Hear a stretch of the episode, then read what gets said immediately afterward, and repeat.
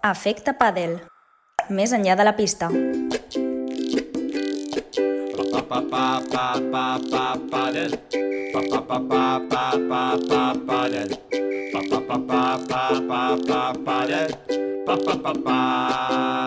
Bon dia, bona tarda, bona nit, perquè és igual quan i on ens escolteu, benvinguts a Efecte Padel. Jo sóc l'Icarlite. I jo sóc el Pau Alà, i avui la veritat és que tenim un programa ben, ben carregat de novetats importants pel que fa al món del padel, i és que venen uns dies mogudets, oi, Icar? Dies, i et diria que anys, Pau. Fa uns mesos vam entrevistar, eh, si no ho heu escoltat ho podeu trobar en el nostre canal de, de Spotify, el CEO del World Padel Tour de Buenos Aires, el Lisandro Borges, un empresari argentí que ens parlava del, del circuit que estava treballant per construir, un circuit alternatiu al World Padel Tour en benefici de, dels jugadors, que de fet ens va dir que es diria The Players, i avui, um, en aquest cas, per això, uh, venim a parlar de circuits, però no d'aquest, sinó d'un altre, i és que sembla, Pau, que hi ha moltíssima lluita per aconseguir l'economia del pàdel en els propers anys. Exacte, exacte. El Lisandro ens parlava, recordem, del 2024, que és la data en què s'acaben el contract, els contractes dels jugadors actuals amb, amb el World Padel Tour, però precisament fa ben poc que s'ha anunciat l'inici d'una nova competició que precisament vol donar el tret de sortida a aquesta mateixa temporada sense esperar-se que acabin els contractes, com tenia planificat el, el, el Lisandro. I en aquest cas aquesta competició es diu eh, Premier Padel Tour, eh, una notícia que evidentment eh, no ha agradat gens a, a l'organització del World Padel Tour, que no vol perdre el domini que té actualment. I bé, doncs avui a Efecte Padel us explicarem una mica tota aquesta problemàtica i tot el que està passant perquè no, no us en perdeu ni, ni un detall. És eh, difícil eh, saber què passarà. Eh, diria que a dia d'avui ningú ho acaba de, de saber, almenys des de, des de fora, però sí que és veritat que, Pau, eh, sembla que cada dia es van sumant informacions i que el panorama de, del pàdel eh, pot fer un gir Exacte, important. exacte. El pàdel és una espòria de que en si està evolucionant molt els últims anys i jo crec que és inevitable que un dia o altre passés coses com aquesta que està passant ara amb, amb un circuit alternatiu. I bé, jo crec que eh, veurem què acaba passant, però al final doncs, eh, sí que està clar que el que pot haver-hi és un canvi d'hegemonia, o si més no, mm, que el paradigma actual del pàdel canvi, canvi una, una miqueta. De moment, Efecte Padel, eh, us podem explicar quines informacions han sortit realment, les certeses, i sobre com, com serà aquest eh, Premier Padel Tour que, que s'ha ideat. A veure, de, de moment el que sabem és que és un circuit que neix impulsat per la Federació Internacional de, de Padel, per tant una institució eh, important, eh, fonamental en l'esport, que també, a més a més, compta amb el suport dels jugadors, amb l'Associació de Jugadors Professionals, i que, a més, se li suma un grup inversor molt important com és a Qatar Sport Investments, que Pau segurament et sonarà d'un altre tema. Exacte, potser molts eh, de primeres no sabeu què és Qatar Sports Investment, però sí que es, eh, us sonarà el nom de Nasser Al-Khelaifi, que precisament és un dels seus màxims responsables, el president d'origen catarí del, del Paris Saint-Germain, que hi ha entrat en força al, al món del futbol des de, des de fa unes quantes temporades. Exacte, aposta per, per l'esport, ho va fer amb el futbol, ara també doncs, amb el pàdel, que sembla que li agrada molt a Nasser Al-Khelaifi, i eh, un cop presentada, ara us explicarem una mica doncs, tot el que ha sortit del, del circuit aquest i després ja entrarem a, a debatre-ho. Eh, per començar, perquè us creu una imatge mental, hi ha poca cosa, però sí que com a mínim tenim un, un logo i una imatge, no? Exacte, el logotip el tenim, és el logotip d'una estrella representant els cinc continents on, on tindrà presència el circuit, que de fet ja ha anunciat a, eh, almenys aquesta temporada quines seran les, les ciutats on es, on es jugarà, les cites que tindrà, i pel 2022 i 2023 hi ha la previsió de fer 10 proves, eh, 10 tornejos, i el 2024, que en aquest cas és quan acaba ja el contracte amb, amb World Padel Tour dels jugadors, doncs passar a, a 25. De fet, és aquí on rau tota la polèmica, no? En els famosos contractes contractes amb el World Padel Tour. Exacte, aquí és on neix el conflicte, bàsicament, mm, i resumint així de forma més concisa, perquè el World Padel Tour fins ara ha tingut l'hegemonia i el control dels millors jugadors, eh, sent, diguéssim, el circuit i per referència, però ara el conflicte apareix perquè la darrera vegada que es van negociar els contractes entre jugadors i, i organitzadors, en aquest cas, es van acordar unes clàusules d'exclusivitat molt específiques que mm, potser amb, amb l'entrada d'aquest eh, Premier Padel doncs, eh, es trencarien.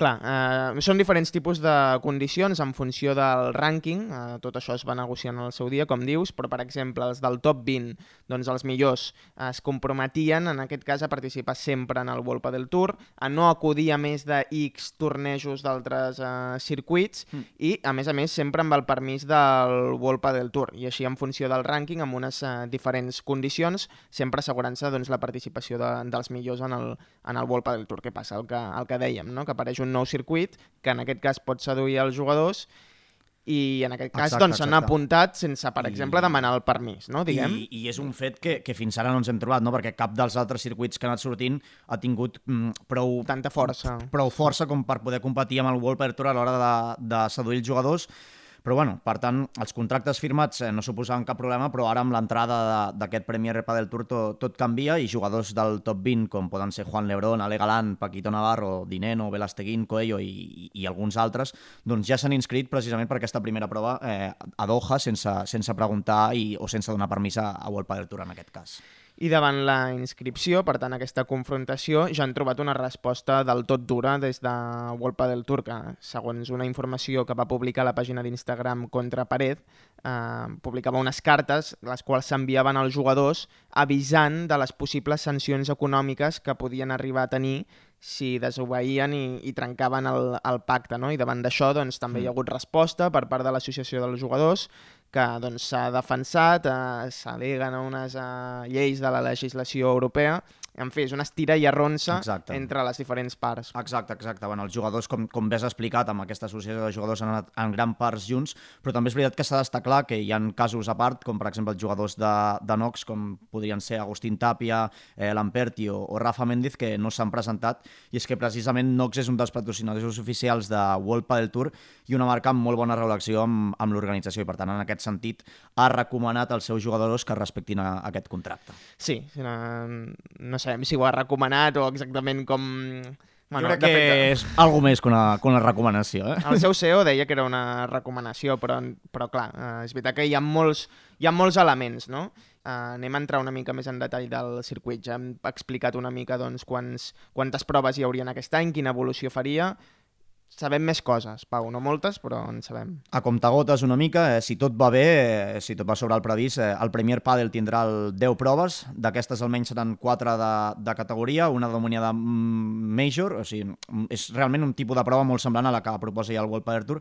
Els majors donaran 2.000 punts a la categoria guanyadora, els Masters Final, que és un altre tipus de prova, eh, 1.500, i així progressivament fins a 4 categories diferents de, de tornejos. I tots aquests punts al final computaran en el rànquing general de la Federació Federació Internacional de, de Pàdel. Uns punts que també està dins la disputa, no podem acabar de, de deixar-la del tot, perquè fins ara els punts de proves FIP comptaven pel rànquing general, però World Padel Tour ja va anunciar aquesta temporada que no comptarien pel, pel seu propi rànquing. No? També doncs, um, aïllant una mica les proves uh, FIP. En tot cas, el primer Major que comentaves, Pau, eh, serà, com hem dit, a Doha del 28 de març al 2 d'abril i coincidirà, a més a més, amb la presentació del Mundial de Futbol de, de Qatar. Per aquesta prova, a part dels que ja hem dit, d'alguns del top 20 que s'havien apuntat, eh, podem dir que un total de 123 parelles participaran, de 19 nacionalitats eh, diferents, i, i bé, aquestes eh, parelles que aniran a buscar doncs, un premi, eh, que podem dir, Pau, que, que serà important, no? Exacte, més enllà de la victòria, que al final és el més important, doncs la veritat és que aquesta nova competició amb, amb Qatar Investments darrere i, i tots els seus diners o, les, o, la, o la inversió que té, doncs al final no ens enganyem, la compensació econòmica és, és important.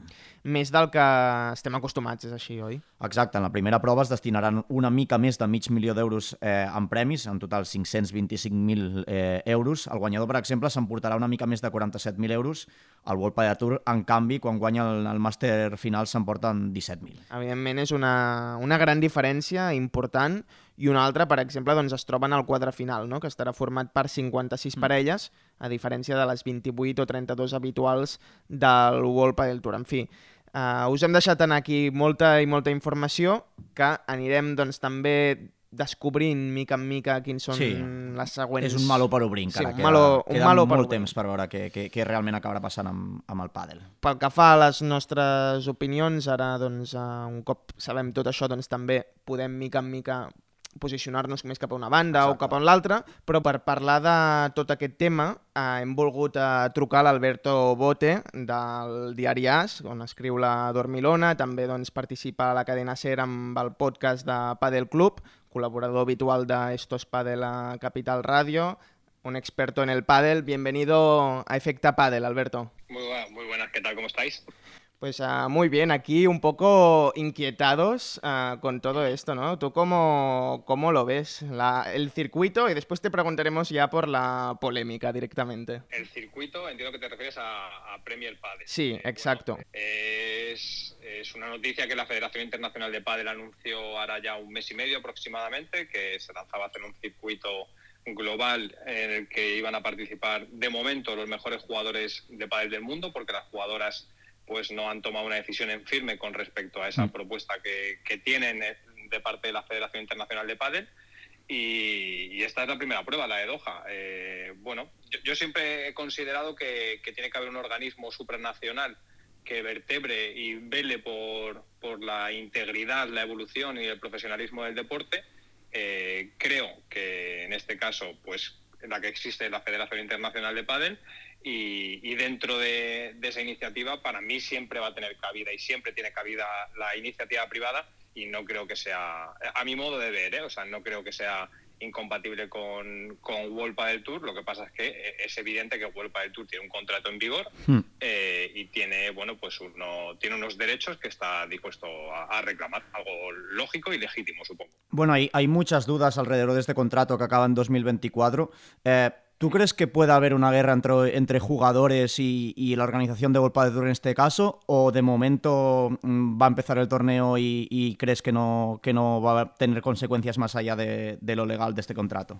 Eh, es que que no tenga consecuencias más allá de lo legal ya me parece que son consecuencias suficientemente importantes como para que eh, retroalimente esa parte que tiene el deporte, eh, en este caso, que a mí me gusta poco, porque a mí me gusta mucho centrarme más en lo deportivo y creo que el pádel tiene que tender más a eso Hmm. que a todo lo que orbita alrededor. Pero es evidente que hay una situación que, bueno, pues de fricción, podríamos decir, ¿no? Los jugadores tienen contrato en vigor con World Padel Tour, entienden que esa cláusula tan famosa de, de exclusividad pues es abusiva y que no les permite el libre movimiento para ejercer su profesión y de ahí que eh, decidan eh, alinearse del lado de la Federación Internacional de Padel y de ese nuevo circuito. Eh, guerra o no, creo que, hablar de guerra y más en estos tiempos es quizá un poco Sí. us- usar un término de, un- de una forma un poco, no sé, manosearlo, quizá. Hmm. Pero ya es evidente que hay, que hay tiranteces, más lejos, en las últimas 24 horas. han sido muchos los jugadores que, no han dudado en publicar a través de sus perfiles oficiales de redes sociales el descontento eh, que hay por parte de- del gremio de jugadores, por lo menos los asociados a, a la Asociación de Jugadores Profesionales, eh, con respecto a esa, a esa petición de, de juicio arbitral por parte por parte de World Padel Tour en el que le reclama 12,5 millones a los primeros 20, si no me equivoco, y otros 12,5 al resto de jugadores. Claro, bueno, yo también imaginando, con lo que referencia a lo que hablabas ahora, nosotros el otro día lo hablamos con, con Icar, no sé si mm, con el dinero que hay de Qatar Investments detrás, y incluso puede ser el mismo em, Premier eh, Tour, que con este dinero pues al final pueda, pueda sa- cumplir esas sanciones de los jugadores para que se vayan también y para traerlos a, a su torneo. No sé cómo lo ves, cómo lo ves tú. Si, si las sanciones son tan solo sanciones y siguen manteniendo en vigor el contrato de los jugadores, por cada torneo que jueguen tienen que pagar ese,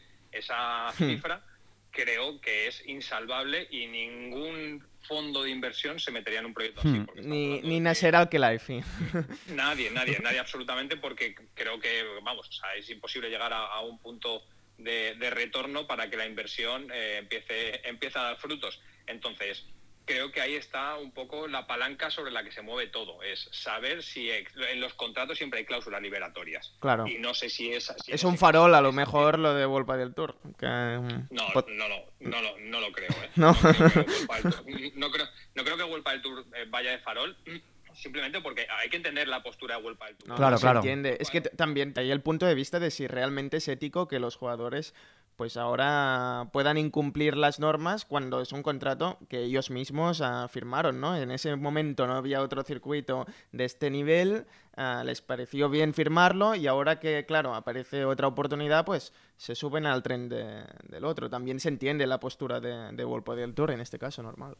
Pero, supuesto, como decía World del Tour, es una empresa privada que vela por sus derechos y sus intereses. Una empresa que no olvidemos que ha, ha invertido durante muchísimos, bueno, muchísimos no, muchos años en este deporte haciéndola pérdidas. El grupo DAM, que es al final quien ha estado financiando todo esto, ha estado yendo a pérdidas durante muchos años para llevar el pádel donde está y ese mérito es de World Padel Tour y de la cúpula del grupo DAM que ha Hmm. invertido en un deporte que hace no tanto no era de masas ni era seguido por toda la gente que lo Claro. sigue ahora.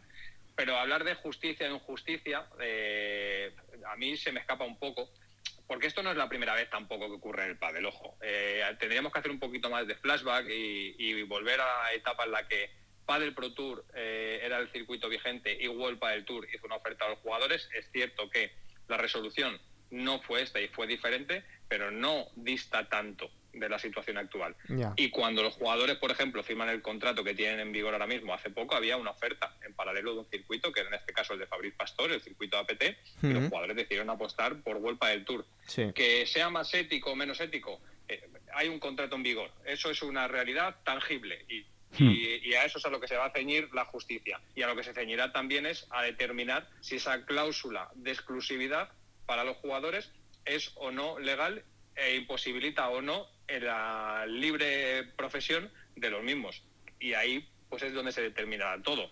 Eh, es que luego meternos en cuál Claro. mi ética probablemente sea muy diferente a la vuestra, o, o viceversa, quiero decir. Y a ojos de un tercero, pues la mía será mejor y de un cuarto, pues será peor. Entonces, eh, en este caso es la justicia que tiene que determinar quién, quién lleva la razón y a partir de ahí yo creo que cuanto antes ocurra y cuanto antes se resuelva esto, menos daño se le hará al deporte y, y más avanzaremos en un momento, no olvidemos, dorado para, para la internacionalización y para la emancipación de- del propio pádel. Ya para finalizar, abandonando un poco la polémica y centrándonos en el tema deportivo, es muy difícil de intentar saber qué puede suceder, ¿eh? Hmm. pero si te digo a ti, Alberto, como aficionado y profesional eh, que sigue el pádel el día a día, ¿cómo te imaginas la competición o qué te gustaría ver en 2024?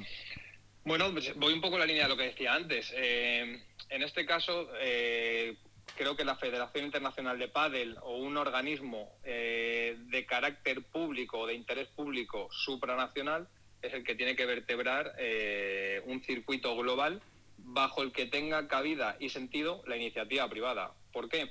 Porque afortunadamente creo que el pádel va a empezar a explotar en muchos más territorios de los que tenía hasta ahora. Hmm. Y eso va a permitir que la bolsa de jugadores, sobre todo ese segundo, tercer y cuarto escalafón, que nutre también el propio deporte, pues sea cada vez mayor.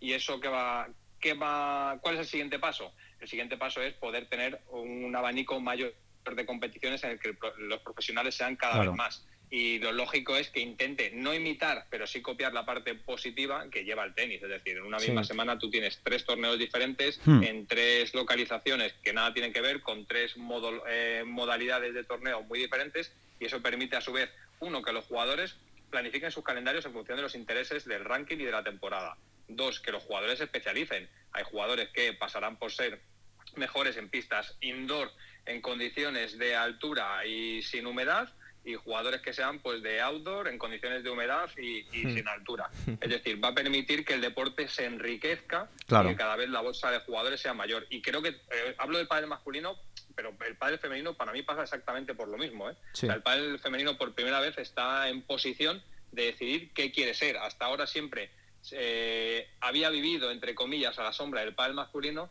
y el pádel femenino ahora mismo es un gran reclamo, eh, genera consumo y, y tiene la opción de decidir qué quiere ser. De ahí que se esté tomando tanto tiempo Para en- decidir, en, sí. bueno, en decidir. Para mí, también todo se ha dicho y después de hacer este alegato, eh, ya no Hmm. solo a la paridad y a la igualdad, que me parece que es algo que, que llega tarde, no tardísimo, pero por fin llega, eh, creo que, que las jugadoras deben posicionarse porque, porque el momento lo pide y porque la gente tiene incertidumbre y al final nadie puede obviar que las jugadoras se deben a, a los consumidores porque son los que compran palas, son los que consumen pádel y son los que mueven la industria. Yo- es una frase que repito mucho.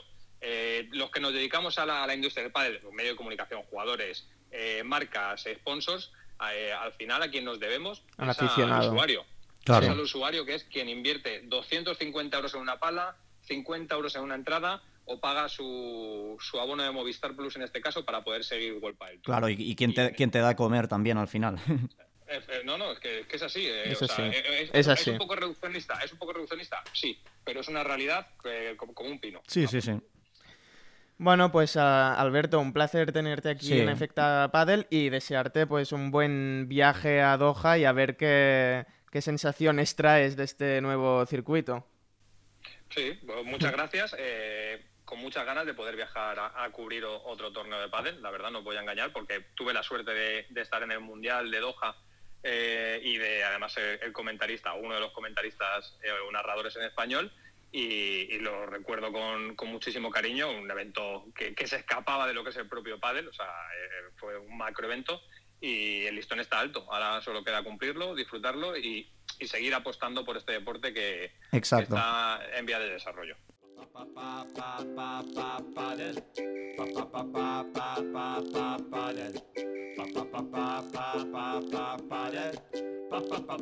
Ja hem parlat amb, amb l'Alberto, eh, ell ens ha, ens ha posat diversos temes eh, sobre la taula que, evidentment, si els volguessin tractar tots i parlar-ne àmpliament no acabaríem mai. Però, bueno, així de primeres, eh, sí que és veritat, m'ha semblat molt interessant ell com ha parlat de, del tema d'aquest conflicte que hi ha entre jugadors i, i, i organització del World Padel Tour. Veurem què acaba passant. Mm, Ni ell mateix eh, com bé ha dit, eh, és capaç de- d'esbrinar que com, com acabarà tot, però sí que és veritat que l'entrada d'aquest eh, Premier eh, Padel, doncs al final ja d'inici, eh, encara que els jugadors tinguin contracte fins al 2024 amb Tour, doncs sembla que és un cop directe a, de cara a canviar el paradigma de, de, del pàdel actual. No? I ara nosaltres, fora d'antena, també eh, comentàvem que, que bé, que sí que seria possible, no?, que potser eh, Sí, des sí, de sí. Qatar tinguin, tenen tants diners que doncs, potser els han assegurat als jugadors... A veure, són molts, molts diners, ara ho comentàvem també amb l'Alberto, Mm. però, escolta, potser hi ha una bossa allà que diuen, mira, fins al 2024, si realment aquestes sancions eh, tiren endavant, Sí, sí, sí. les podem acabar pagant. A És veure,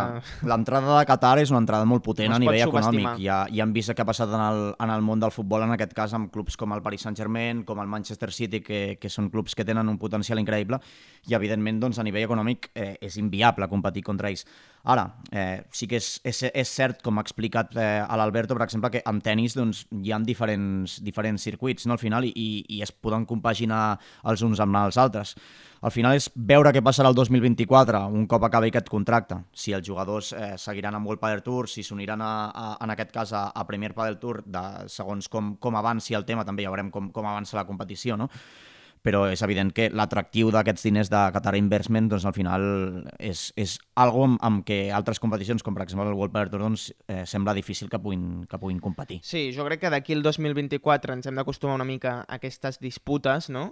Perquè al final doncs, s'ha de tenir en compte no? tota la feinada que ha fet a Exacte. Volpa del Tour i han de lluitar pel seu interès i se'ls ha de reconèixer en tot moment que l'esport està a dia d'avui on està doncs, en gran part per, per la feina i l'esforç que doncs, ara també explicava l'Alberto que, que han fet, però jo crec i també doncs, des del punt de vista d'un aficionat um, la meva opinió és que a partir del 2024 sobretot Sí. Espero que, que estan destinats, jo crec que estan destinats a entendre's i espero que, que sigui així, no? que per l'espectador doncs, puguem gaudir de diferents Exacte. tornejos, d'un rànquing unificat. Jo crec que sempre és positiu que, que no hi hagi un, un monopoli, en aquest cas, que hi hagin diferents competicions. L'atractiu, com més competicions de cara al públic, doncs, evidentment, és més atractiu, també més exigència pels jugadors, però, però de cara al públic és, diguéssim, una oferta molt millor que la que hi ha actualment.